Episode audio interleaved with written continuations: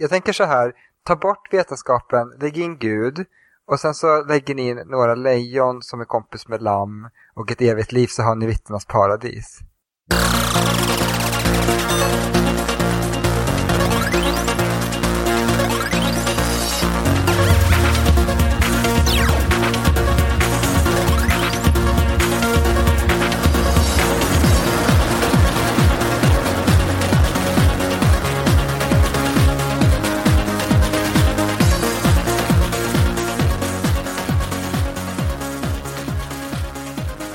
Välkomna till ännu ett avsnitt av podcasten Mellan svart och vitt med den skeptiska treenigheten som består av mig Dragan. Thomas. Och tant Erik. Och idag ska vi prata om Zeitgeist-rörelsen med vår gäst Milan Milovanovic. Eh, lite aktuella händelser, citat och musik bjuder vi på i vanlig ordning i detta välstrukturerade avsnitt av Mellan svart och vitt. Och vet ni vad pojkar? Jag ska Mm. åka på Sverige-turné så jag kommer faktiskt ner till Malmö och Lundområdet. Wow! Mhm. Men då måste vi ju ses för fan. Ja men det skulle vara jättespännande. Thomas, Mm. har, Thomas har ju träffat en gång, men inte dig Dragan. Nej, det blir premiär. Du är den här mystiska rösten som Jag är den pratar. mystiska dragan. Oh. Ja, vad ska vi... Ja. Mm, Ska vi träffas då någonstans? Blir det Lund eller Malmö kanske? Nej, Malmö såklart. Ja, men Ma- Malmö blir fint. Och så, kan vi, tycker, så Malmö- tycker jag vi spelar Malmö in vårt samtal kring bordet och liksom så här. Och så kan vi så analysera det här mötet lite grann. Det skulle inte vara lite trevligt? Mm. Ja, men det är klart. Vi får spela in lite grann i alla fall så får vi se om det är någonting... blir något Det kanske bara är pinsam tystnad Annars då? Vad... vad, händer, vad händer annars? Hur är det med dig Dragan? Jo då, det är bara bra. Jag kan inte klaga. Nej? Ska, ska du också ut och flyga och fara i veckan eller? Nej, det blir en lång vecka. Den här veckan i alla fall. Själv då? Ja, det har väl varit lite omtumlande vecka faktiskt. Jag har helt plötsligt börjat eh, titta på husköp. Oj, Men har du inte ett hus redan eller du ska ha ett annat hus? Nej, jag bor i ett radhus men det har öppnat Aha. sig en möjlighet att faktiskt bygga, bygga ett hus här i Lund. Så att eh, det har väl stulit en del av tiden den här veckan eh, får man väl säga. men gud vad spännande. Ja, Här händer det grejer. här händer det grejer. Vad säger man på? Ja, Du måste Ja, bygga ja. ett katthus. Så Ska du bygga ett katthus? Men så inte katten smiter iväg. ja precis. Ja, okej. Nej men katten, det är ju sånt elände med den. Den är så himla social så den springer ju in till alla grannar och in i butiker och in till... De har ringt från dagiset här bredvid flera gånger nu och sagt att hon är där hela dagarna. Så att, eh, jag vet inte riktigt vad vi ska göra med henne faktiskt. Vi får väl flytta helt enkelt. Okej, och från eh, Thomas katt till de aktuella händelserna som har hänt eh, i veckan. Och eh, Venezuelas president Hugo Chavez, han dog ju nu i veckan. Eh, var han en hjälte eller en odemokratisk president? Vad säger ni grabbar? Men jag vet inte. Thomas, säg, säg någonting nu. Ja, jag har ju snabbläst Wikipedia-artikeln. Wikipedia! Oh my Ja, god. var han odemokratisk egentligen? Han, han valdes väl i demokratiska val? Alltså de säger, ju- de säger ju att, att han var lite odemokratisk. Bland annat så eh, var han på, vad heter han, Ly, Libyens diktators sida. Ja, just det. Men han, han, han, hade ju, han var ju lite rolig där och eh, polade med Gaddafi och med Iran och Ja, sådär. Han det var, känns han ju var väl inte som- lite Sydamerikas eh, Jan O. Karlsson. Men om ni kommer han, ihåg han som... han var lite så här odiplomatisk också. Jo. Han kallade väl så här Obama för negern och... Sa han det? Ja, Eller jag tror... El Negro. El Tydligen så Negro. betyder det bara den, den svarte. Men eh, det Ja, låter värre på okej. svenska. Och eh, han hade väl även lite... Eh, han kallade väl Bush lite allt möjligt tror jag.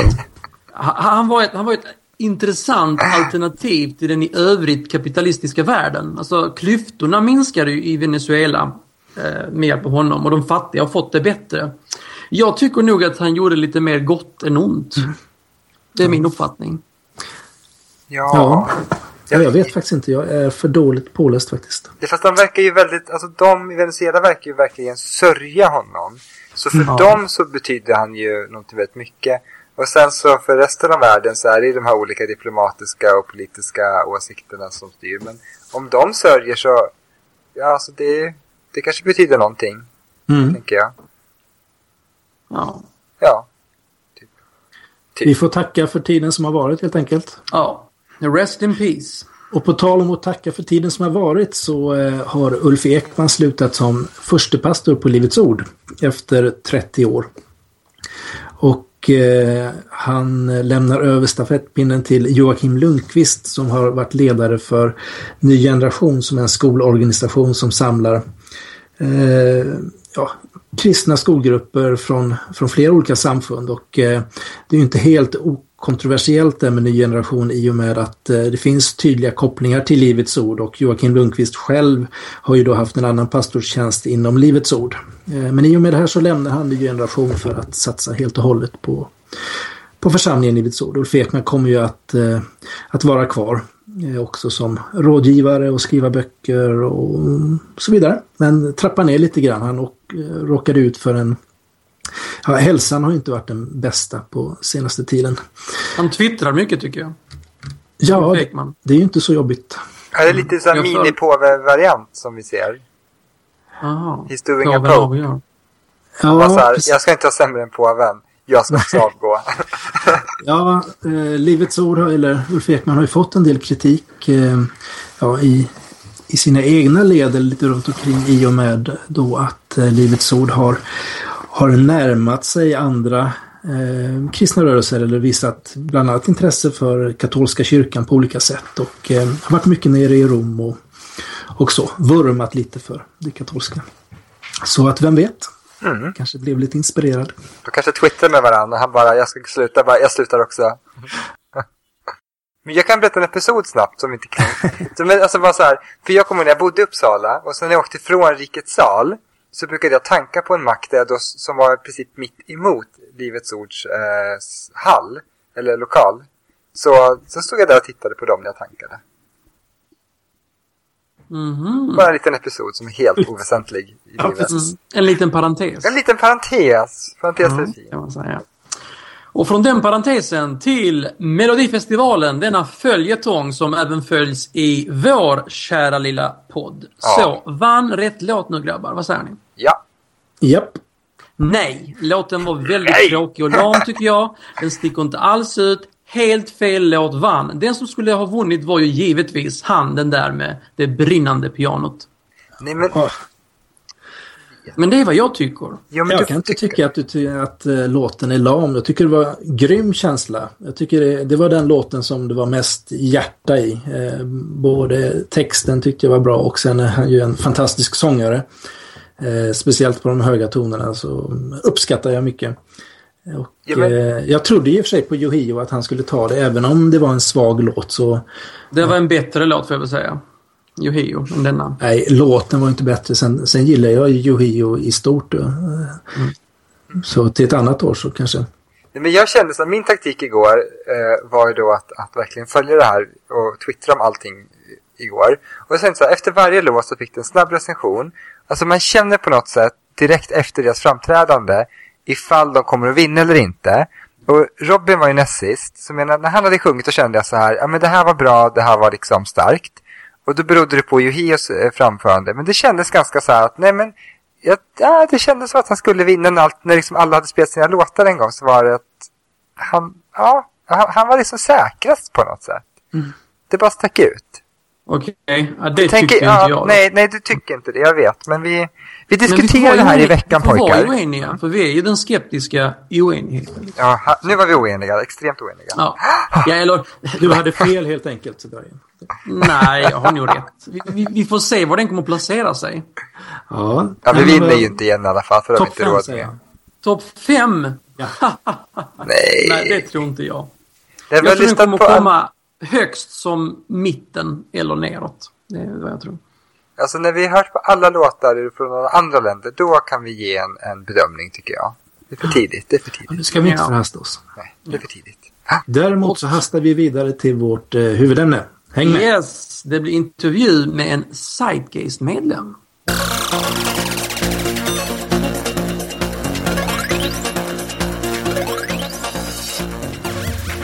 Jag skulle vilja hälsa välkommen till vår gäst idag. Han heter Milan Milovanovic. Välkommen! Välkommen! Tack, tack, tack. tack. Eh, berätta lite om dig själv. Uh, jo, jag uh, är nybliven pappa för det första. Och Mycket grattis! Tack, tack. Grattis. tack. Ehm, Är det första? ja, det är första. En uh, underbar flicka. Ja. Ehm, och så eh, är jag eh, student på psykologprogrammet i Lund. Ehm, och inne på andra, andra terminen. Och så är jag såklart eh, aktivist, om man kan kalla det det, i The Zeitgeist Movement, eller Zeitgeist-rörelsen som man säger på svenska. Då. Ehm, och det är lite det som fyller min tid. Intressant. Eh, vad står Zeitgeist-rörelsen för? Uh, Zeitgeist-rörelsen, eh, det, alltså det, det är liksom inte eh, lätt att förklara på rak arm men det finns eh, en del komponenter. Främst så eh, jag talar utifrån min förståelse eh, Mm. av Zeitgeist-rörelsen. Jag tror det finns många som har eh, an, annorlunda eh, tanke kring det. Liksom, att eh, vissa är mer inriktade på den ekonomiska biten, andra på den mer värderingsbiten. Men eh, i, enligt min förståelse så är det eh, en rörelse som försöker få eh, folk att eh, liksom få ett lite mer holistiskt perspektiv på samhälle och eh, hur saker och ting fungerar. Eh, dels så finns det typ den ekonomiska biten. Alltså, eh, det är ju finanskrisen som har varit eh, och det där. Och, och folk talar om ja men det är finanskris och det är eh, ont om pengar och det är högre arbetslöshet. Och man hör det på nyheterna varje dag men man eh, förstår inte riktigt vad det är som det handlar om, alltså det grundläggande bakom. Typ så, vad är finanskrisen egentligen? Liksom, var är det krisen ligger? Typ, vad är pengarna gjorda av? Och det är det som är den ekonomiska biten av Zeitgeist. Man vill försöka få eh, mer förståelse inom hur bankväsendena fungerar och eh, sådär. Sen finns det ju också värderingsbiten och eh, hur folk tänker kring eh, viktiga saker såsom Eh, typ bistånd och eh, hur man själv lever sitt liv. Eh, det vill säga att man pratar om det är ju ett konsumtionssamhälle men människor ser inte sig själva som en del av ett samhälle som konsumerar. Man hör det bara som ett begrepp. Ja, vi lever i ett konsumtionssamhälle men någonstans så inser man inte att man själv är en grundläggande del i, ett, i just det konsumtionssamhället. Så det är lite det som Zeitgeist eh, strävar efter att eh, Men vad, vilka förändringar vill man göra, så att säga? Man, man, man, eh, man, ser, man försöker att in, få insikten. Insikten är, måste jag säga, det, det viktigaste. Liksom, att eh, få folk att förstå att man är en, en typ sammankopplad del av ett samhälle, av ett, av ett nät människor. Liksom. Vi, jag, särskilt jag som psykolog, eh, blivande psykolog det vill säga, eh, ser det här att eh, typ man är en del av ett samhälle som man påverkar eh, på ett sätt som man inte är särskilt medveten om i de flesta fallen. Liksom. Om jag till exempel pratar med, med en person och eh, försöker förmedla någonting eh, om typ förbättra den personens liv. Liksom. Så är det inte bara en person jag påverkar utan den personen kanske senare mår bättre. Och så, vilket leder till att den personen är snällare mot eh, andra personer. Och eh, de i sin tur är kanske vänligare mot andra personer. Så det är ett, liksom, ett hol holistiskt perspektiv. Att man, man påverkar sin omgivning genom sättet att vara på. Liksom. Sättet att eh, bete sig. Liksom vara typ var, var nice, schysst, cool liksom. Men som den här, den här filmen Eh. Pay It Forward. Ja, Är inte lite samma tanke? ja alltså jag, jag så, har sett den för ganska länge sedan och det, det är typ det. Alltså det är som, så som jag ser det liksom att eh, om, man, om, man, om man ser sig själv som en droppe i havet så sprider sig ju ringarna så småningom av, av det här att försöka typ visa och att försöka typ få andra att förstå vilken del i samhället som de har. För mm. Många människor tror ju att ja, men, jag är bara en individ och det är någonting, och, och visst man är en individ, men det är någonting som man har blivit, eh, alltså vad ska man säga, lite grann lurad att eftersom jag är en individ så måste jag sträva själv efter mitt eget bästa liksom. Eh, efter eh, och göra det helt själv när verkligheten är just den som jag förklarade innan. Man påverkar andra, andra påverkar en. Så egentligen gör man ingenting själv. Man, allting man gör påverkar Man tänker mer kollektivt, tänker du liksom? Ja, alltså... Och, och globalt ja, också då? Globalt, helhetsperspektiv mm. liksom. Mm. Uh, sen, sen, vill man ju inte ha pengar heller har jag förstått. Nej, nej det, det är en del av uh, typ tankarna från uh, en liknande rörelse som heter The Venus Project. Jag tänkte vi kan ju gå lite djupare in på just hela den ja, uppbyggnaden av, av vad ska jag säga, det framtida idealsamhället eller så. Mm. Jag tänkte bara fråga lite mer kring dig. Tror du på Gud? Um, alltså, jag tror inte på Gud i det avseendet som eh, det står i Bibeln. Liksom. Jag tror inte på att Gud skickade ner sin son och han skulle frälsa oss. Jag tror inte på Gud i det avseendet att, att människan är född i synd. Jag tror inte på Gud eh, i det avseendet att någon, någon dag kommer komma och frälsa oss från eh, synden. Men jag måste säga det här att jag tror på Gud i det avseendet att det finns någonting som vi inte förstår. Eh, som vi aldrig till fullo kommer kunna förstå. Och det är det eh, sökandet efter kunskap, det, det mystiska liksom. Eh, det som vi fortfarande inte vet, som jag kallar att vara spirituell. Liksom. Mm. Så jag tror inte på att det finns någon gubbe uppe i himlen liksom, som sitter där och ska döma över oss och, och frälsa oss och sånt. Utan jag tror att innerst inne så är vi alla uh, skaparna av vår verklighet. Skulle du säga att Zeitgeist är en spirituell rörelse? Det, det, skulle jag kunna påstå faktiskt. Eh, Men är inte en del av grundidén att man inte ska, alltså religion ska bort? Det funkar inte i ett, i ett samhälle. Har jag precis, hört. precis. Eh, och då är det viktigt att särskilja från religion och eh, att vara spirituell. Men, men att vara spirituell, är inte det lite religiöst i sig på något sätt? Ehm, religion, religion innebär att det finns ett, eh, ett paradigm av, eh, av ett särskilt tankesätt. Eh, inom, eh, inom hinduismen så innebär religionen att det ska vara en viss eh, kastsystem där vissa är högre upp, andra är lägre upp. Det finns brahmaner och det finns eh, låga kast. Inom kristendomen så finns det ett paradigm där man anses vara född i synd och man ska typ eh, botgöra för det man har gjort för att komma senare in till himlen. Liksom. Och det är det som är religion, enligt min åsikt. Men spiritualism är insikten att det finns ett starkare band mellan oss alla än eh, vad som man tror finns. Liksom. Det finns ett starkare band eh, där vi alla påverkar varandra.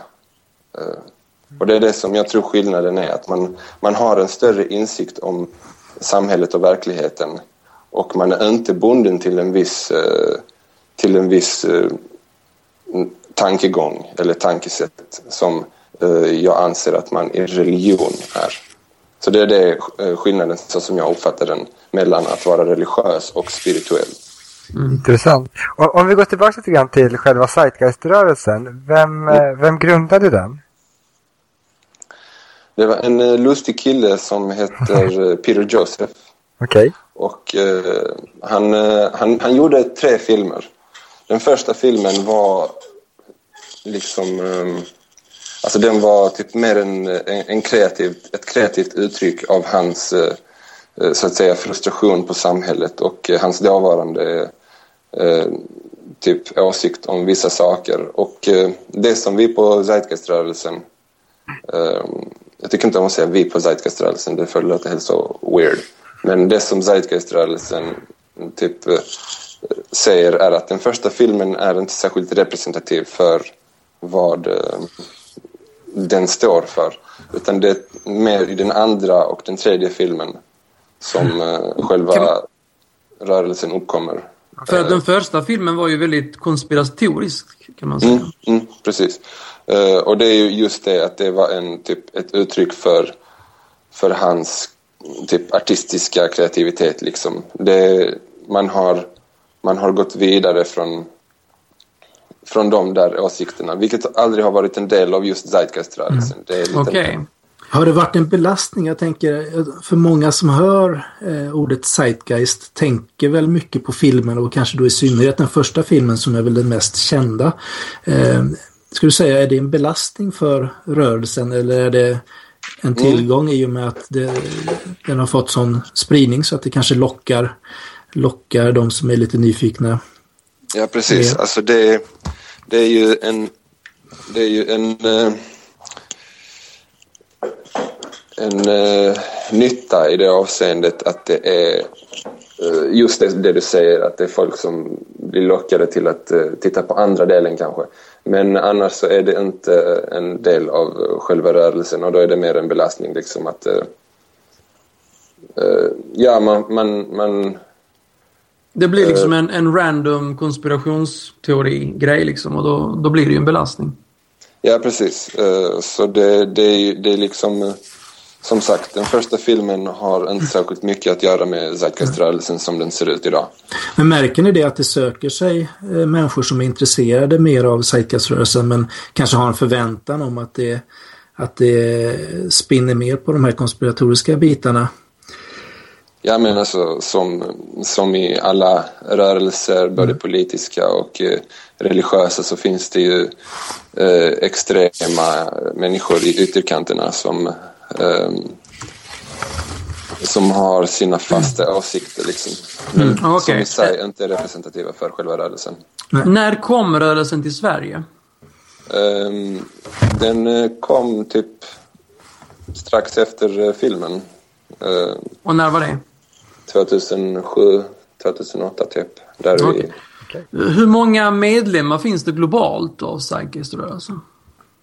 Eh, globalt så Hela är, det väl, eh, så är det väl... eh, alltså 20 miljoner har ju sett eh, själva filmen Zeitgeist Moving Forward.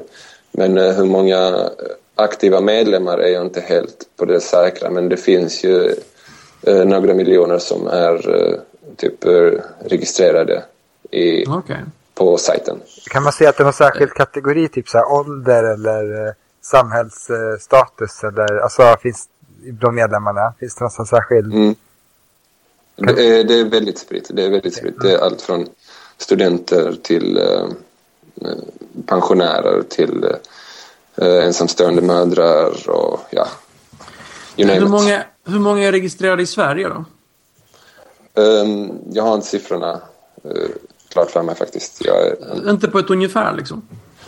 um, ska vi se, alltså i, i Göteborg så är det eh, några hundra, kanske drygt, tus, drygt tusen registrerade. I Malmö så har vi eh, kanske hundra och sen eh, har vi Stockholm. Så vad kan det vara? En 5000? Inte riktigt 5 000. säker. Hur är ni organiserade? Är ni en förening eller hur? Um, mm, alltså vi har ju vi har ju grupper liksom, eh, chapters Mm. som eh, träffas ibland och snackar. Eh, jag hade för eh, några veckor sedan en träff med uh, vårt, vårt chapter och då snackade vi liksom bara lite sådär löst och drack kaffe och, och hade kul. Det är, så det, det är mest så man träffas liksom på, på internet, Facebook och ja, samtal på kaféer och fik. Nu snart så kommer det upp eh, Z-Day som är den internationella Zeitgeist-dagen och eh, då är det massa tillställningar i Köpenhamn, i Göteborg, i Stockholm, överallt i världen liksom. Men har Hur ni typ du någon säga- agenda ni pratar om eller ni bara diskuterar vissa ämnen eller är det mer? Alltså det är försök... eh, det, det skiftar nu på typ uh, Zeitgeist i Göteborg så är agendan att eh, man kommer ta upp eh, finans, eh, finans, hur finanssystemet funkar, liksom, hur det ekonomiska systemet funkar och så kommer man eh, ha en öppen diskussion om själva Zeitgeist-rörelsen och sådana saker. Eh, I Köpenhamn så är det lite mer att man har bjudit in eh, vad heter de, Greenpeace, man har bjudit in Amnesty eh, för att de ska kunna eh, tala och svara, svara på frågor som folk har. Liksom. Där är det mer liksom så utbildande syfte att eh, få folk att tänka lite i hmm, hur funkar det här, hur går det där? Så det är lite så. Intressant. Hur kom det sig att du intresserade dig för Zeitgeist? Eller hur ser din historia ut? Vad gäller Mm. just det här? Alltså, jag, jag var ju lite sådär eh, nyfiken. Jag tänkte liksom, man ser ju, man ser ju så himla mycket eh, i samhället som, som inte, inte typ är logiskt. Det är så många saker som inte, inte stämmer liksom. Och då, då när jag såg liksom, då när jag såg andra och tredje filmen så blev det väldigt mycket tydligt. Man, man kunde se, helt plötsligt se mönster i samhället som man inte såg tidigare.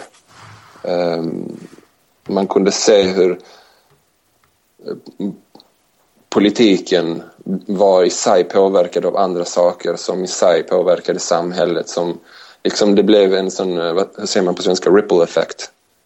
Um, och det, det är så det påverkade mig. Att typ så, en, en, en holistisk in, insikt i hur samhället fungerar, helt enkelt. Och det var då jag bara tänkte, ja men det här måste ju fler se liksom. Att, man- att man inte är en enstaka individ i ett samhälle utan att man är något som påverkar och som blir påverkat. Eh, så det är typ så. Och sen så träffade jag eh, en kompis här i Malmö som också kände sig aktiv eh, och så startade vi en chapter här i Malmö. Så det, det är typ så jag kom in på den grenen. Men på vilket sätt är man engagerad då? Alltså är, är du som ordförande för en chapter då eller hur? Har du, Ja. har du någon slags roll i det hela? Någon uttalad roll så? Mm, ja, inte, inte särskilt. Alltså jag, jag, den som vill vara aktiv får anordna sina egna möten och träffar och sånt liksom. Men eh, jag har ingen, ingen särskild roll. Jag liksom har knappt, knappt tid att engagera mig nu för tiden i och med eh, ny dotter och mycket i skolan och sådana saker liksom. Så jag, man gör det man kan för att eh, eh, införliva sin aktivism i, i sin, eh, sin vardag och sitt vardagsliv liksom. Alla bäckar små som det sägs ibland. Ja, Men du säger aktivism, alltså vad, vad ingår i aktivismbegreppet här? Vad, Mm. Eh, i, som sagt, det, det är många uh, olika. Vi har en kompis som uh, är väldigt uh, internetaktiv. Han översätter och skriver undertexter till nyutkomna videos som man postar på Youtube och postar på olika forum för att man ska typ sprida den här informationen. Ehm, och så finns det de som bara som jag eh, till exempel, jag försöker ju införliva det här i, i sättet som jag, som jag lever, att bara eh, få folk att prata om saker som är viktiga men som man inte egentligen eh, förstår. Det finns ju eh, som jag nämnde innan om det finanssystemet. Liksom. Det finns eh, saker om, om banksystemen, om skatter, om, om ränta. Liksom. Särskilt ränta. Det finns saker om ränta som människor inte riktigt förstår. Man har ju ett bankkonto, man har kanske max eh, eh, ja, ett, ett, ett, par, ett par tiotusen eller hundratusen vad det kan vara på det kontot och så får man ränta på det. Eh, ja, men varifrån kommer den räntan egentligen? Liksom, vad är det, eh, varifrån kommer de pengarna? Och om man har ännu mer pengar på kontot, säg typ några miljoner, då, då kan man ju nästan leva på räntan. Men varifrån kommer de pengarna? Och det är ju just på grund av att det är uppbyggt eh, på ett eh, system där de som har minst betalar levernet för de som har mest. Kort sagt. Liksom. Det är Var det kommer pengarna ifrån? Nu blir jag jättenyfiken. Ja.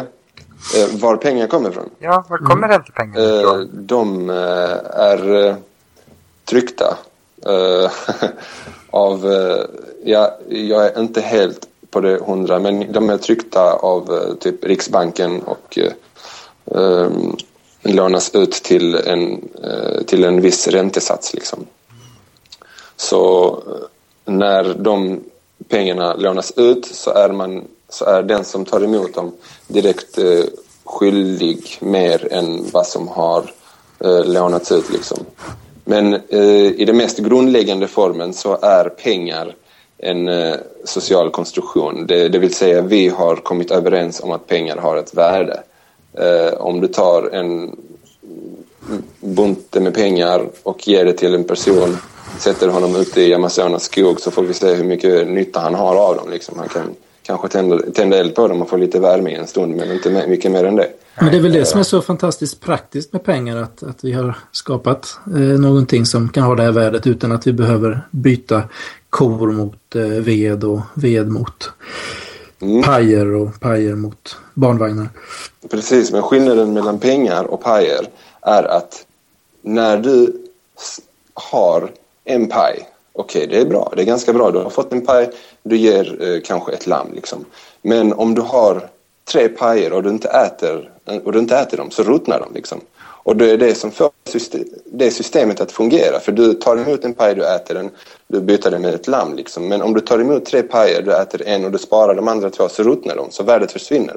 Men saken med, saken med pengarna är att du tar emot dem och du kan spara dem och spara dem och spara dem och spara dem. Men vad är det som händer när så pass mycket pengar har sparats så att det blir liksom propp i systemet? Uh, och vilket det uppenbarligen har blivit nu, vilket vi såg i finanskraschen.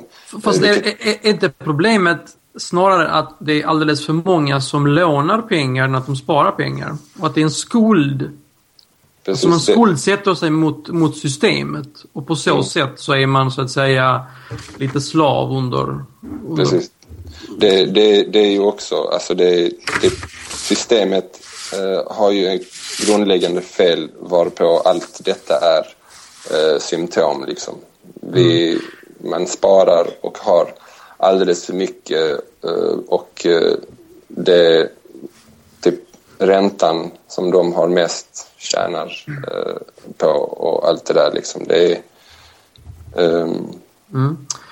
Som jag har förstått det hela så finns det ju kopplingar till The Venus Project. Skulle du kunna berätta lite om The Venus Project och kopplingarna till det?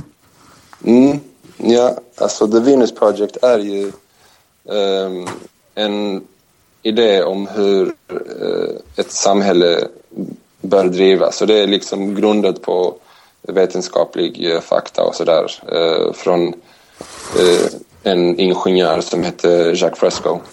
Han eh, hade en del idéer, typ, bland annat om hur man skulle konstruera en stad eh, och hur man skulle konstruera samhället för den delen. Och de grundläggande sakerna är att eh, man skulle arbeta utifrån, utifrån naturens, naturens egna konstruktioner. Att det fanns vissa sätt där man kunde bygga en hållbar stad. Och att eh, Eh, det inte skulle...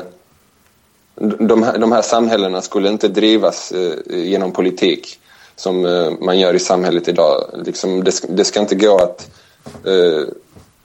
typ forska, forska om en hel funktion i samhället. Ja, men hur många sjukhus ska vi bygga? Hur många, hur många typ stor, storköp behövs det och sådana saker.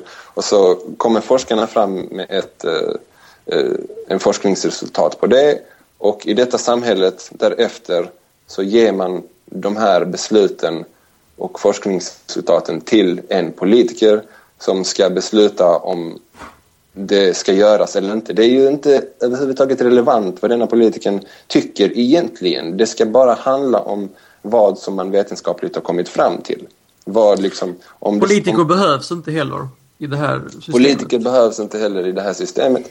För det är liksom, om man har kommit fram till genom vetenskapliga metoden och forskning att vi behöver x antal sjukhus, vi behöver x antal åkrar, vi behöver eh, x antal solpaneler så gör man det. Man, man, man går inte efter alla, eh, all den forskningen till en vetenskap, till en politiker och säger ja men vad tycker du vi ska göra liksom, med hans subjektiva åsikt om han är typ så socialdemokrat eller om han är liberal. Ja men vi behöver privatisera, ja men vi behöver liberalisera. Det, det spelar ingen roll.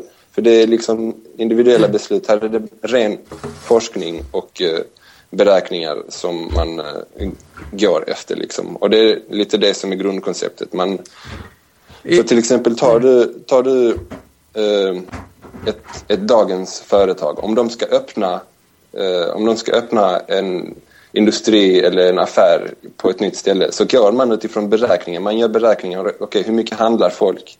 Hur, mycket, hur stort intresse finns det för detta? Uh, och så går man utifrån de siffrorna. Men uh, uh, så funkar det inte i politiken efter Japp, yep, The Venus Project och mm. The Zeitgeist Movement. De så. hade ju ett samarbete innan. Mm. Det, det, finns inte längre. Det är avbrutet. Varför avbröts det samarbetet? Um, Ja, alltså det, det, det har inte riktigt typ så avbrutits men det blev en liten klyfta mellan uh, Jacques Fresco. Uh, Varför, vad blev det för klyfta?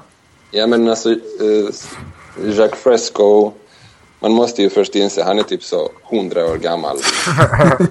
han är 95 år ja. Mm. 95 år gammal liksom. Och, han, hela hans arbete, The Venus Project, är ju uppbyggt eh, så, ett livsverk liksom.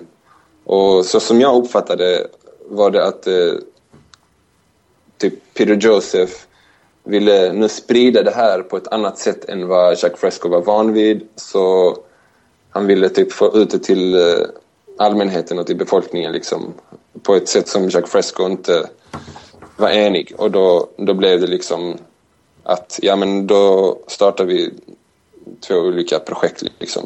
Och vad är skillnaden mellan de här två olika projekten då? Um, The Venus Project är uh, inriktat på att uh, bara sprida just uh, The Venus Projects idéer liksom. Och Men är inte det samma idéer som The Zeitgeist Movement? Nej, för The Zeitgeist Movement har ju, alltså där finns det lite så chapteraktivism, man samarbetar med eh, olika, olika organisationer och man samarbetar med eh, olika företag liksom, för att eh, Jo, men själva idéerna, så att säga. Det ska, det ska inte finnas några pengar, man ska tänka globalt, det ska inte finnas några politiker etc. Det är ju, det är ju exakt samma idéer. Ja, ja, precis. Det är ju bara som man, som man brukar säga att The Zeitgeist Movement är uh, The Venus Project aktivistarm liksom. Uh, den, var det, den var det, men den är ju inte det längre. Ja, det, det är ju... Alltså det är ju, det är ju lite liknande uh, tankar inom, inom rörelserna liksom. Var det, inte så, var det inte så att uh, den här ledaren för Zeitgeist Movement körde sitt eget race? Och liksom... Ja, alltså... Uh, han försökte mer sprida det till, eh, till olika... Eh, Men hittade inte, hittade inte på lite andra idéer som inte Fresco tyckte var så, så kul? Jo, det, det är just det, att typ samarbeta. Jack Fresco var väldigt... Uh, man ska, man ska gå efter just det där, uh, hans idéer och det ska vara... Uh, man ska inte samarbeta med, med organisationer eftersom typ alla dagens organisationer fungerar inte på det sättet som hade varit optimalt i ett uh, resource-based economy, som man säger. Mm. Uh, och det var där uh, Peter Joseph och Zeitgeist Movement kände att om man vill komma någon vart i dagens struktur och dagens samhälle så måste man samarbeta med de, de organisationerna och strukturerna som finns. Man kan inte bara förkasta ett helt system bara för att det, det inte fungerar. Liksom. Utan man får arbeta utifrån de grunderna som erbjuds. Liksom. Okej, okay, hur ska man rent praktiskt införa de här idéerna? Det är som en, en gammal vetenskapsman sa, Buckminster Fuller, att eh, du, du ersätter inte ett system genom att kämpa emot det. Du ersätter ett system genom att bygga ett som fungerar bättre. Alltså hur ska man göra det i detta systemet? Jo, så här. Eh, det finns ju... Zeitgeist Movement riktar in sig väldigt starkt på teknologi. Alltså man tror att teknologi är en viktig del av framstegen. Säg till exempel idag så är man bunden till att betala räkningar. Det är bunden till att eh, typ gå och köpa mat i marknaderna, eh, i affärerna. Du är bunden för att gå och handla dina kläder i affärer. Eh, och allt det måste du jobba åtta timmar om dagen för, minst, för att eh, åstadkomma och lyckas köpa. Men om vi hade utnyttjat teknologin på bästa sättet, det vill säga om vi hade haft eh, solpaneler som eh, erbjuder all en, ström, all en ström lokalt, om vi hade haft eh, typ vertikala farmer som man säger, eh, typ eller lokalproducerat, eh, hemmaproducerat till och med, så hade man inte behövt eh, handla ute i affärerna, vilket är fullt möjligt med dagens, eh, dagens teknologi. Om du hade haft alla de där sakerna som teknologin egentligen erbjuder så hade man lätt kunnat komma ifrån det här typ åtta timmars arbete per, per dag med typ så bara jobba för att betala eh, räkningar. Um, Men är man inte lite alltså, jag, jag, på... Jag, jag, jag, ja. jag, förstår att det finns ett alternativ. Men hur, hur, säger, hur ska, du över, ska man över, försöka övertala så många människor som möjligt att gå över till det här tänket? Eller är det så man ska så att mm. säga... Alltså, eh, övertala folk att gå över till det där tänket. Det är, det är som jag brukar säga. Eh, om, någon, om någon hade kommit fram till dig. Ja. Om någon hade kommit fram till dig och sagt det viktigaste du någonsin kommer höra i ditt liv. Men han hade sagt det på swahili. Du hade inte kunnat ta till dig den informationen. Du hade inte kunnat förstå det. Du hade först fått lära dig eh, orden i swahili, du hade fått lära dig grammatiken. Och först efter du har fått alla de små bitarna av information så har, det är först då du hade kunnat eh, ta till dig den informationen. Och det är samma sak med eh den här informationen som eh, eh, finns i Zeitgeist Moving Forward. Det, man måste typ få in bitarna innan man kan se helheten. Mm. Men det, det, är eh, väldigt stora, förlåt, men det är väldigt stora förändringar som ska till. Tror man att det någonstans är praktiskt genomförbart? Alltså kommer vi någon dag att vara där? Mm. Tror, tror, det... alltså, tänker man så alltså, man, man är helt övertygad att någon dag har alla liksom fattat det här och så är vi där? Man tänker sig så här. Eh, någon dag så har vi fattat det här och så är vi där. Eller så är vi inte alls. oh, det är antingen eller. Men, eh, men har, ni, har man någon typ av tidsuppfattning? Uh, vad, vad tycker man är, är rimligt? Uh, ja, det, det vet man ju inte. Liksom. Det, det kan man inte svara på. Men så som teknologin framskrider liksom, det finns eh, folk som jobbar med just det där eh, solpaneler, eldrivna bilar. Det finns folk som jobbar med eh, extremt avancerade vindkraftverk. Eh, olika teknologier i, vad gäller odling och jordbruk som eh, kan bli lo lokalproducerat och eh, eh nyttigt liksom. Eh, så det är sånt som kommer göra att allt det här fortskrider liksom. Man, man, man arbetar inte inom systemet. Man går, det, det, är inte någon som kommer gå och rösta fram en förändring. Liksom. Jag tror inte att Socialdemokraterna eller Moderaterna eller Vänsterpartiet eller eh, Sverigedemokraterna, någon av dem kommer typ säga ja, men nu, sub nu subventionerar vi solpaneler. Liksom. Utan, utan detta kommer ske eh, med enskilda personer som eh, väljer att aktivera sig och engagera sig i ett samhälle. Så det, det kommer inte ske politiskt utan det kommer ske som en stegvis ersättning av just det politiska systemet med hjälp av individer som väljer att engagera sig eh, själva. Men jag på att säga, subventionerar man inte redan solpaneler och liknande? Eller jag menar, sådana här Men, eh, alternativa ja, ja, och liknande.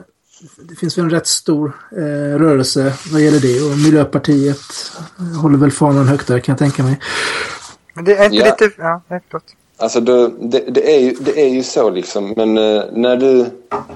Det subventioneras, men när du tänder tvn och eh, ser vad som sänds ut, vilken information som sänds ut till eh, vanligt folk liksom, så är du, du kommer inte hitta någonting om banbrytande teknologi. Du kommer inte hitta någonting om eh, eh, liksom vertikala farmer som byggs i Linköping just i det här ögonblicket. Liksom. Eh, utan du kommer se saker som eh, vad hände med Maria Montazami i förrgår och eh, vem vann Idol och eh, typ hur går det för Sean Banan på tv liksom. Det, det är sådana saker som inte behöver vetas och hade folk på något sätt riktat in sig på eh, vad som verkligen är viktigt. Hur man kan, hur man kan få tag på dessa solpaneler. Hur man kan jobba för att eh, öka subventioneringen.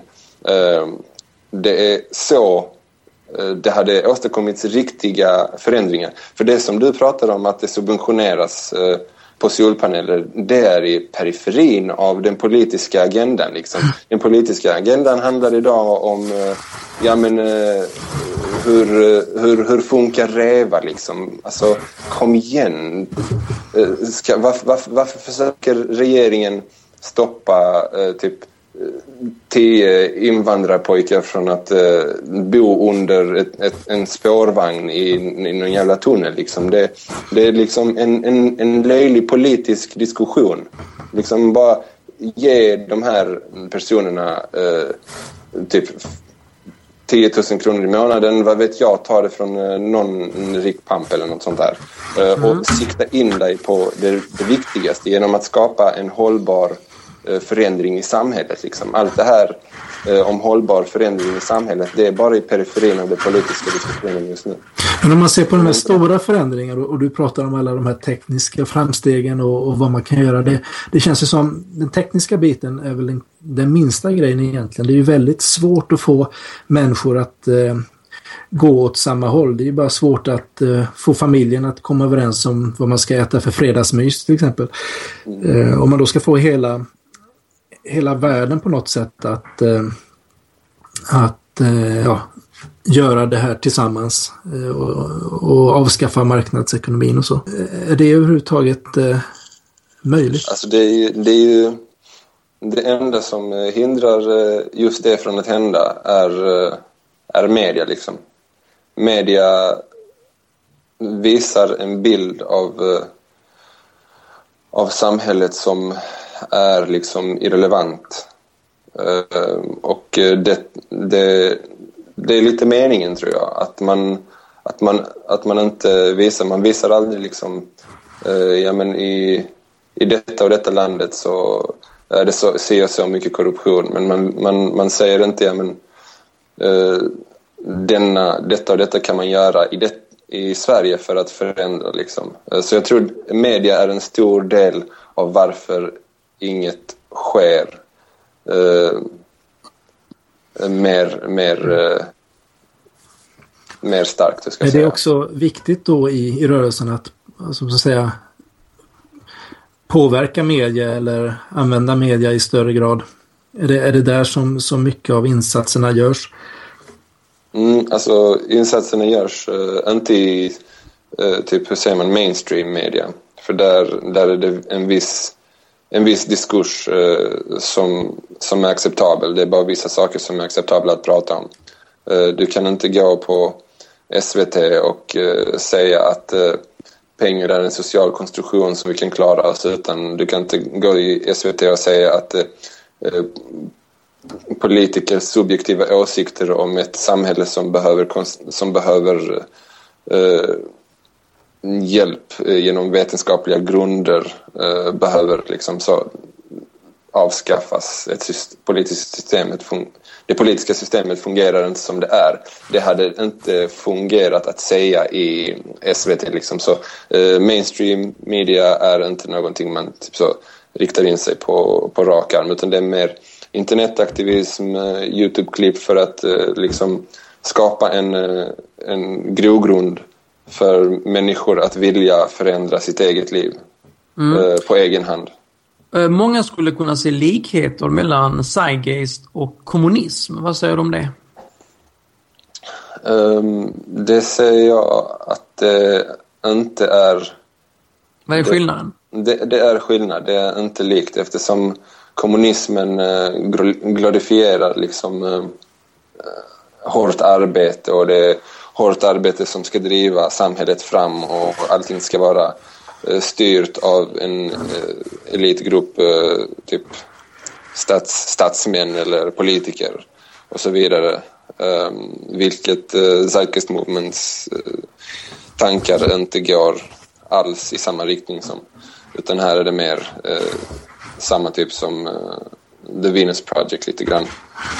Eftersom man, man, man inser att om, om ett, eh, i kommunismen så glorifierade man arbete eh, medan man i dagens samhälle eh, har allt mindre mindre jobb att göra. Liksom. Men samtidigt som vi har ökat produktionen och eh, världen producerar mer idag än den någonsin har gjort under tidigare århundraden. Men samtidigt så är arbet, eh, arbetena eh, håller på att försvinna stadigare och stadigare. Liksom om du har gått in på eh, en, din närmaste Coop eller Ica på sistone liksom, så ser du eh, bara en liten maskin som säger mm, var god, sätt in varorna. Liksom. Så eh, de arbetarna håller på att försvinna och typ eh, banktjänstemän blir ersatta av bankomater, eh, försäljare blir ersatta av maskiner. Så eh, på Zeitgeiströrelsen inser man att snart kommer just sådana förvärvsarbete vara borta och hur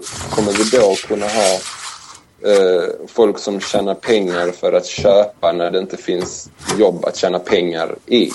Liksom. Mm. Eh, men, men eh, vem är det som bestämmer i ett sånt här samhälle? Eh, vetenskapen. Vetenskapen. Men, men det är ändå så, det finns då en massa forskare som är duktiga inom olika områden och de forskar och kommer fram till olika resultat men någonstans måste ju det måste ju sammanställas och realiseras och Eh, ofta så kanske forskare har olika eh, ståndpunkter och hur ska man på något sätt få det här effektivt och eh, mm. kunna genomföra det också? Um, ja, eh, som sagt, ingenting fungerar optimalt men allting bör gå med eh, eh, typ att analysera data, göra uträkningar liksom och sådär. Det, det, det är ju mest det genom genom att eh, inga politiker och eh, vetenskapliga metoden tar sig fram till eh, det bästa beslutet. Men bara för jag menar, eh, den vetenskapsmannen han kan ju vara jätteduktig på att sitta och göra analyser och göra experiment och göra beräkningar. Men sen, sen så ska ju det här implementeras också och man måste ja, driva igenom det och eh, säga vad man vill om politiker men eh, en sak som de är till för det är ju att, att verkställa Eh, ta beslut och verkställa. Mm, behövs, behövs det inga sådana personer som, som liksom driver, alltså, driver det hela? Det finns, det finns eh, om, du vill, om du är intresserad uh, av någonting som kommer förändra ditt liv, du vet som kommer förändra ditt liv så går man in, man, man läser lite text och så tänker man ja men okej det här var bra eller det här var inte bra liksom eh, någon som driver på en fråga. Eh, man måste fråga sig vad är det som, varför måste denna frågan drivas på så hårt om det ändå finns eh, bra eh, typ grunder till att driva den. Så det som jag menar är att om du, om du, om någon forskare kommer fram till dig och säger ja men vi behöver eh, x eh, antal eh, eh, sjukhus här så, och du får fakta som visar att ja, men det är sant, vi har si och så många som blir sjuka och vi har si och så många som eh, blir skadade så då behöver vi så många antal sjukhus. Då har du ingen vetenskapsman, eh, då har du ingen politiker som behöver komma till dig och driva på denna frågan för du har fakta framför dig. Men om det är eh, Eh, någon som säger till dig, ja men vi har så här många sjuk, eh, sjukhus och vi behöver sälja två stycken av dem. Eller typ så, vi, vi har så här många företag och vi behöver eh, förstatliga eh, de här företagen. Liksom, och inte ge dig fakta bakom varför just detta bör hända. Liksom. Eh, och då är det oftast politiker, politiker som behöver ta det här jobbet för det direkt så luktar det någonting mysko. Liksom. Ehm, för alltså, jag tror innerst inne att om man hade framfört alla fakta, bakomliggande fakta och eh, all vetenskap eh, om ett beslut så är ändå eh, vi människor ganska så eh, liksom intelligenta i avseende vad vi tror är bra och dåligt för oss. Liksom. Så då hade no, no, man kunnat nå en konsensus med tillräckligt med information. Uh, om alla hade haft samma mängd information så hade, tror jag att det hade varit väldigt lätt att komma fram till beslut utan uh, politiker. Men bygger inte det på något sätt på en, en bild av att vi är att vi på något sätt är eh, säga, mänskliga datorer som alltid kommer fram till samma resultat om vi får samma input? Um, alltså man, man, man, kommer inte, man kommer inte komma fram till 100% samma input. Eh, det tror jag inte. Det kommer finnas, om vi säger estetiska skillnader i vad vi väljer att göra och inte göra. Men jag tror att om någon kommer fram och frågar eh, 1000 eller hundratusen personer kommer fram till eh, dem och frågar Vill ni ha mat? Vill ni andas frisk luft? Vill ni dricka friskt vatten? Jag tror inte en enda av de personerna kommer säga nej, egentligen inte. Liksom. För det, det, finns en grundläggande insikt om att de behoven behövs. Och jag tror att om man fram, lägger fram eh, denna informationen om vad samhället egentligen behöver tillräckligt bra så kommer 100 000, 100 procent säga ja men det är sant, vi, vi behöver det här. Så det är bara informationen som behöver förklaras på ett bra sätt. Och jag tror alla är intelligenta nog att ta rätt beslut när man får rätt information utan politikers eh, inblandning. Vad jag förstår så, så, finns det en vision om att man mer eller mindre ska skippa att eh, arbeta utan att eh, mm. tekniken eh, ja, löser det åt oss, det som behöver göras. Stämmer det? Tar mm. över. Mm. Om man ser, situationen var ju lite liknande i, i romarriket, att det var en massa folk som, som mm. kanske gick och inte behövde arbeta så mycket. Eh, och det gick ju inte sådär jättebra. Eh, det ledde till vad ska man säga, något moraliskt förfall. Mm. Och gladiatorspel och hur man nu skulle roa sig när man inte Alltså, ja. Men alltså, vad händer med människan om man inte behöver arbeta? kan man ju fråga sig. Det är, eh, låt mig berätta en liten, eh, en liten anekdot för dig. Eh, det var en eh, kvinna ute på någon savann i något eh, eh, exotiskt land långt borta eh, som bodde i en liten hydda. Och hon var tvungen att gå till eh, eh, floden som var fem eller 10 kilometer bort. Och det tog henne flera timmar varje dag att promenera dit bara för att hämta vatten och bära det tillbaka till sin hydda. Och hon gick den sträckan varje dag och hämtade vatten. Och man, någon frågade henne, ja, men, eh, hur känner du inför det här? Uh, hur känner du inför det här att uh, jobba så pass mycket bara för att hämta vatten? Hon säger, ja men det, det är jobbigt, det är jäkligt jobbigt men jag måste göra det för då, annars har jag inget vatten. Så kom det en ingenjör en dag och installerade en eh, rörledning som gick från floden upp till hennes hydda. Och helt plötsligt så kunde hon sätta på kranen där inne.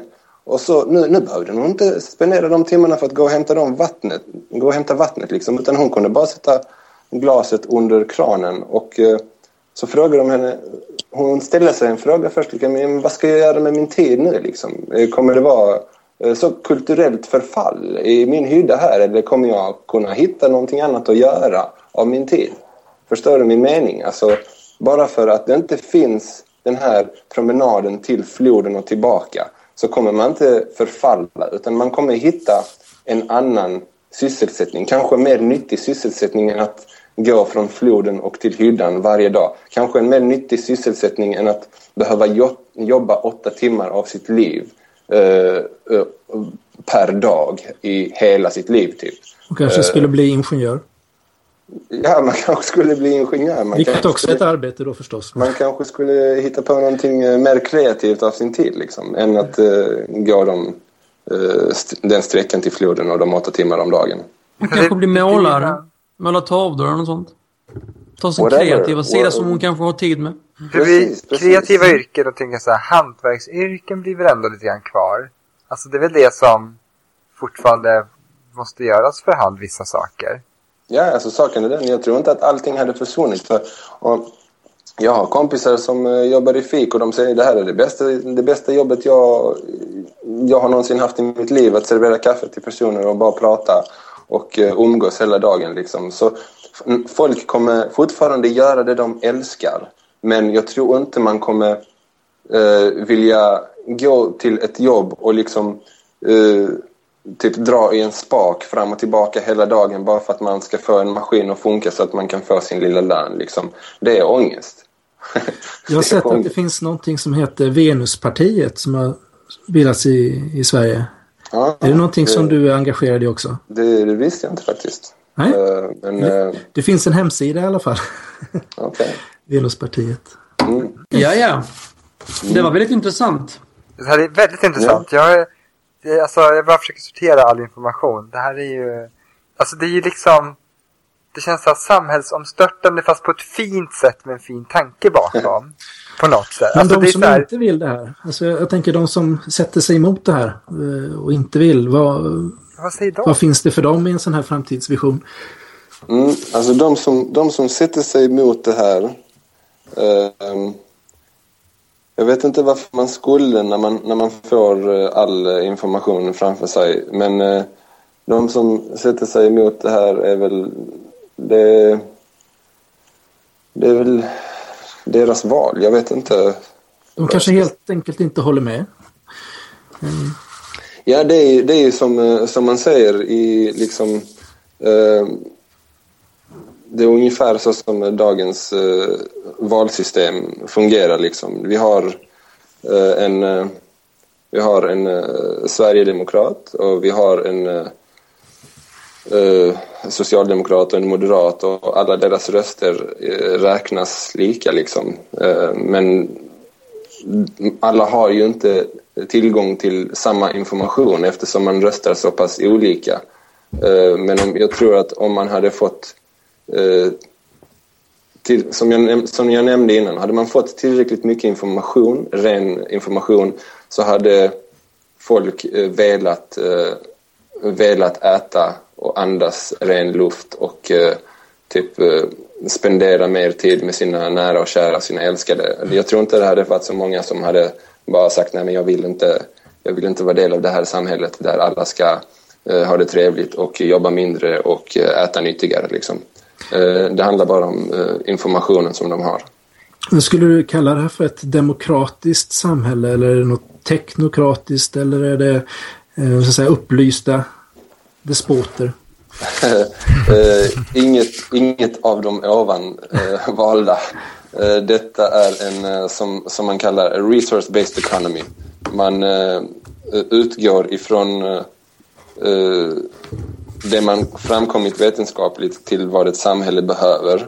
Eh, och man eh, forskar och använder teknologin för att röra sig så mycket, så mycket det går mot det hållbara samhället som vår teknologi egentligen kan erbjuda utan eh, subjektiva åsikter från, från politiker och eh, personer som tycker si eller tycker så. Det ska inte tyckas utan det ska vetas och det ska vara eh, framforskat.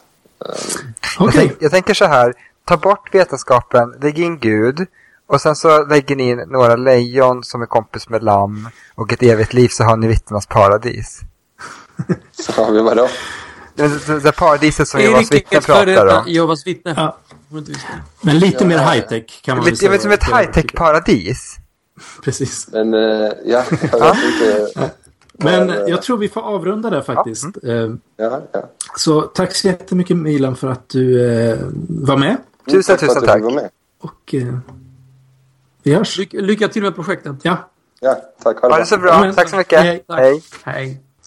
Och där kattar vi och sen så går vi vidare till veckans citat.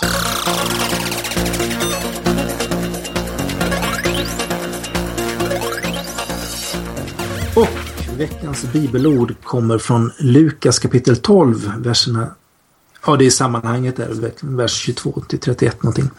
Eh, Jesus sa Sök först Guds rike så ska ni få det andra också. Ja, Ja, du. vad ska jag få för något? Ja. Nej, men det handlar väl om att eh, ofta så strävar man efter mycket i livet, efter rikedom eller efter det ena och det andra. Och eh, ja, jag menar väl att det, det viktiga är att söka Gud. Sen så... Det är viktigare än allt annat. Ja, se på Carola, Ja. hur bra det gått. 30 års karriär. Hon, hon, hon har bett till Gud, hon har läst Bibeln. Och så 30 år karriär bara gått klockrent hur bra som helst. Och du tror det är därför? Ja, jag bloggade om det idag, inte alls bitter. Nu vet jag vad Gud har gjort i 30 år. Han har pushat Carolas karriär. Ja. Jaha, det Så är nu därför det är så mycket tid. elände. Det Nu är därför det kanske är så mycket tid. elände i världen, för Ja. han hinner inte, med så mycket mer. Nej, men hon, fortfar- hon fortsatte ju att tacka Gud så nu kanske Gud kommer att fortsätta med Carola. Ja, hon gjorde 30 år. det, ja. Ja, ja, det det- var... det är ett långt projekt. Det tar tid det här, så du. Så vi, vi så att ja.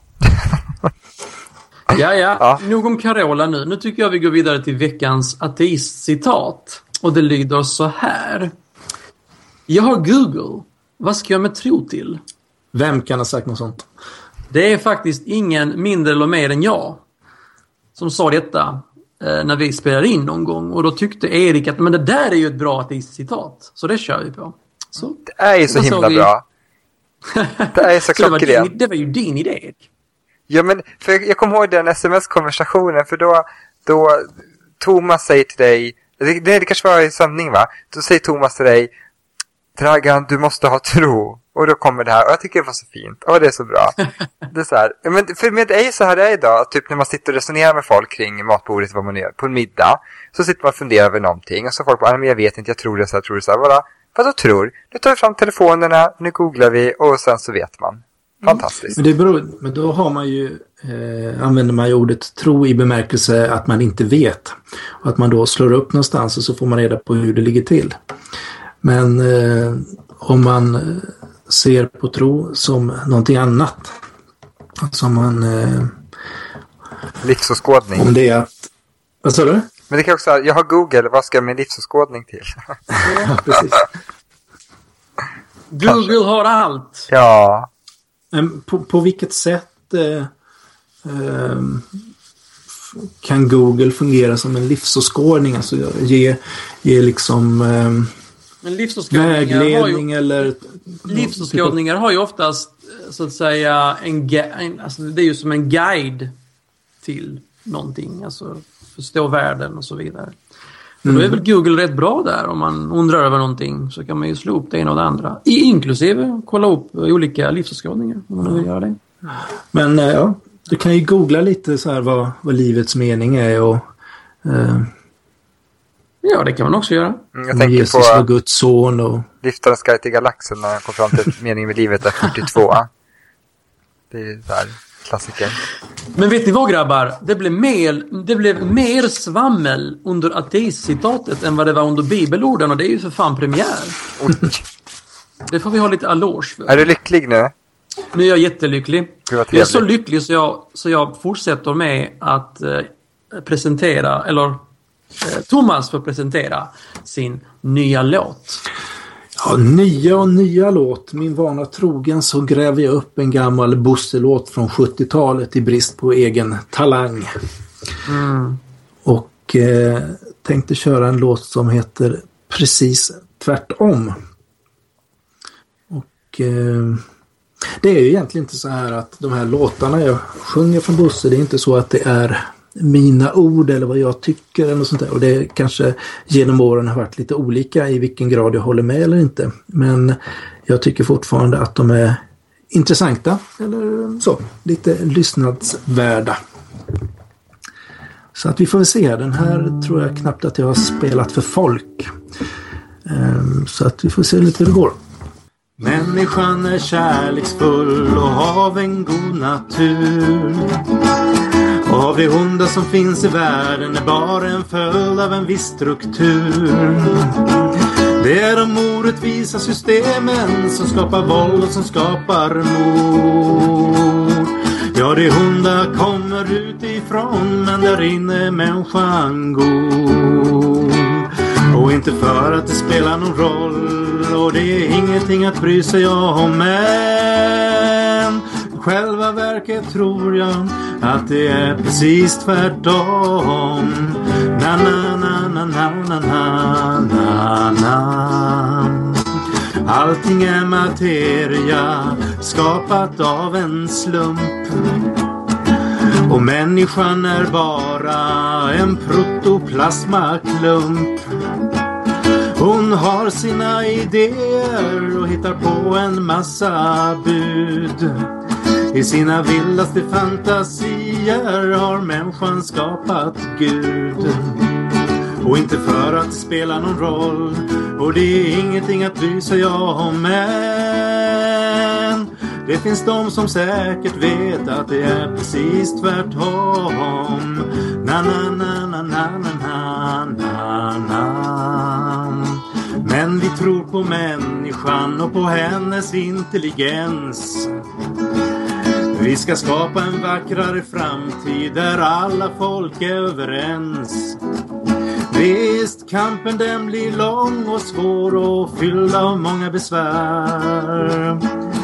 Men vi går mot en ljusare framtid som åt alla lyckan bär. Men inte för att det spelar någon roll och det är ingenting att bry sig om. Men det verkar mera troligt att det blir precis tvärtom. Na, na, na, na, na, na, na, na, na, na. Wow! Skitbra! Yay. Tjusigt. Eh, jag tyckte faktiskt att det var faktiskt ett väldigt bra val av låt med tanke på huvudämnet. Ja, Ja, det var väl inte helt tokigt va? Är väldigt kampsång. Ja, fast i det här scenariot så går det inte precis, eh, speciellt bra. Nej, nej, nej. Men det, det behöver vi inte, vi behöver inte gå in på det nu. Inte gå in på Det blir precis tvärtom. Ja, ja fast... Det går åt helsike. Nå, Ja, ja. Nå, så kan det gå. så kan det gå. Kan det gå. Men eh, ja. Det var väl det egentligen. Ja. Eh, vad tyckte vi om intervjun, grabbar? Alltså, Det jag, är svårt att fånga in det här kan jag tycka på så här kort. Det, det är så komplext. Mm. Det handlar om ett helt nytt eh, ja, sätt att, eh, eh, vad ska man säga? Tänka på. Ja, men att, eh, vad ska man säga, att driva hela den här planeten. Mm. jag känns som att jag har missat någonting. För det känner, både den här intervjun och sen förra intervjun var ju väldigt mycket, alltså vetenskapen. Vi ska lyssna Ja. på vetenskapen. Jag bara, men jag hade lyssnat på vetenskapen hela mitt liv vad jag vet. Och helt plötsligt så är det liksom vetenskapen som bestämmer allt. Jag måste ta Ja. reda på vad vetenskapen vill mig, känner jag. Men det jag tycker är svårt med det här det är ju på något sätt som man alltså, har en tro att vetenskapen på något sätt gör saker på egen hand. Eh, så. Bara man har smarta vetenskapsmän som jobbar så, så, liksom, så löser man alla problem. Jag får Ja, inte riktigt ihop det faktiskt. Och sen, jag varit lite nervös över det här att, ja, men vem ska då sy alla fina Chanel-kläder? ja, men det kan ju, ja, Ja, precis. Vem ska då göra det? det får ju du göra. Ja, och jag kan inte sy. inte alls. Du kan lära dig. Ja. Men vad, vad säger du Dragan? Det, jag blev lite orolig när, när... För du sa, var det demokratiskt eller det var inte demokratiskt heller? Och då blev jag lite orolig. mm. Kände jag spontant.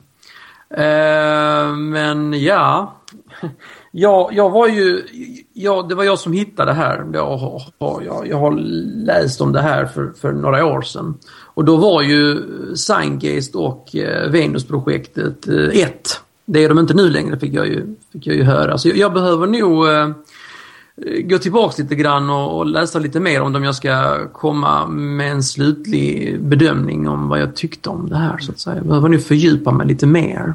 Ja. Jag tycker att det är en utopi som överhuvudtaget inte går att implementera eh, på det mänskliga släktet.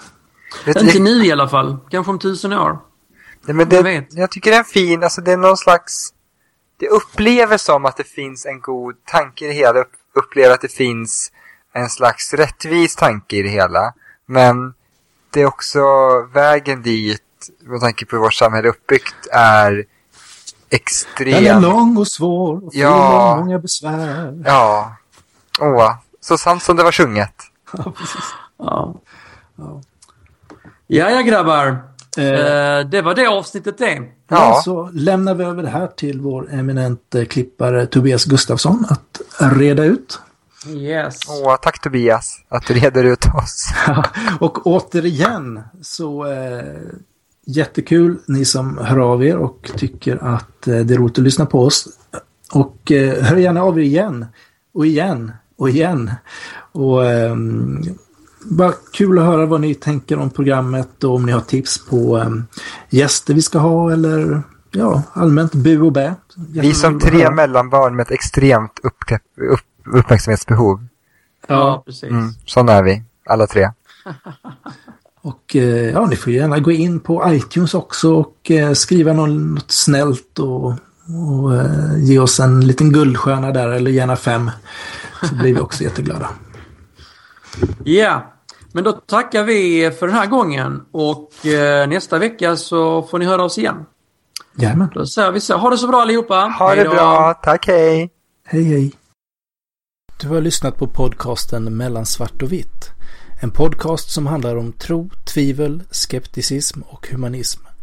Om du gillar oss så gå gärna in på iTunes och ge oss goda vitsord. Det värmer. Ta gärna kontakt med oss. Vi har Twitterkonto svart vitt för programmet. Och Thomas har Thomas Sjoberg, Dragan har Draganist och Erik har Tant Erik. Gilla oss gärna på Facebook och eh, vår hemsida hittas på mellansvartovitt.se och där kan man också kommentera de olika avsnitten.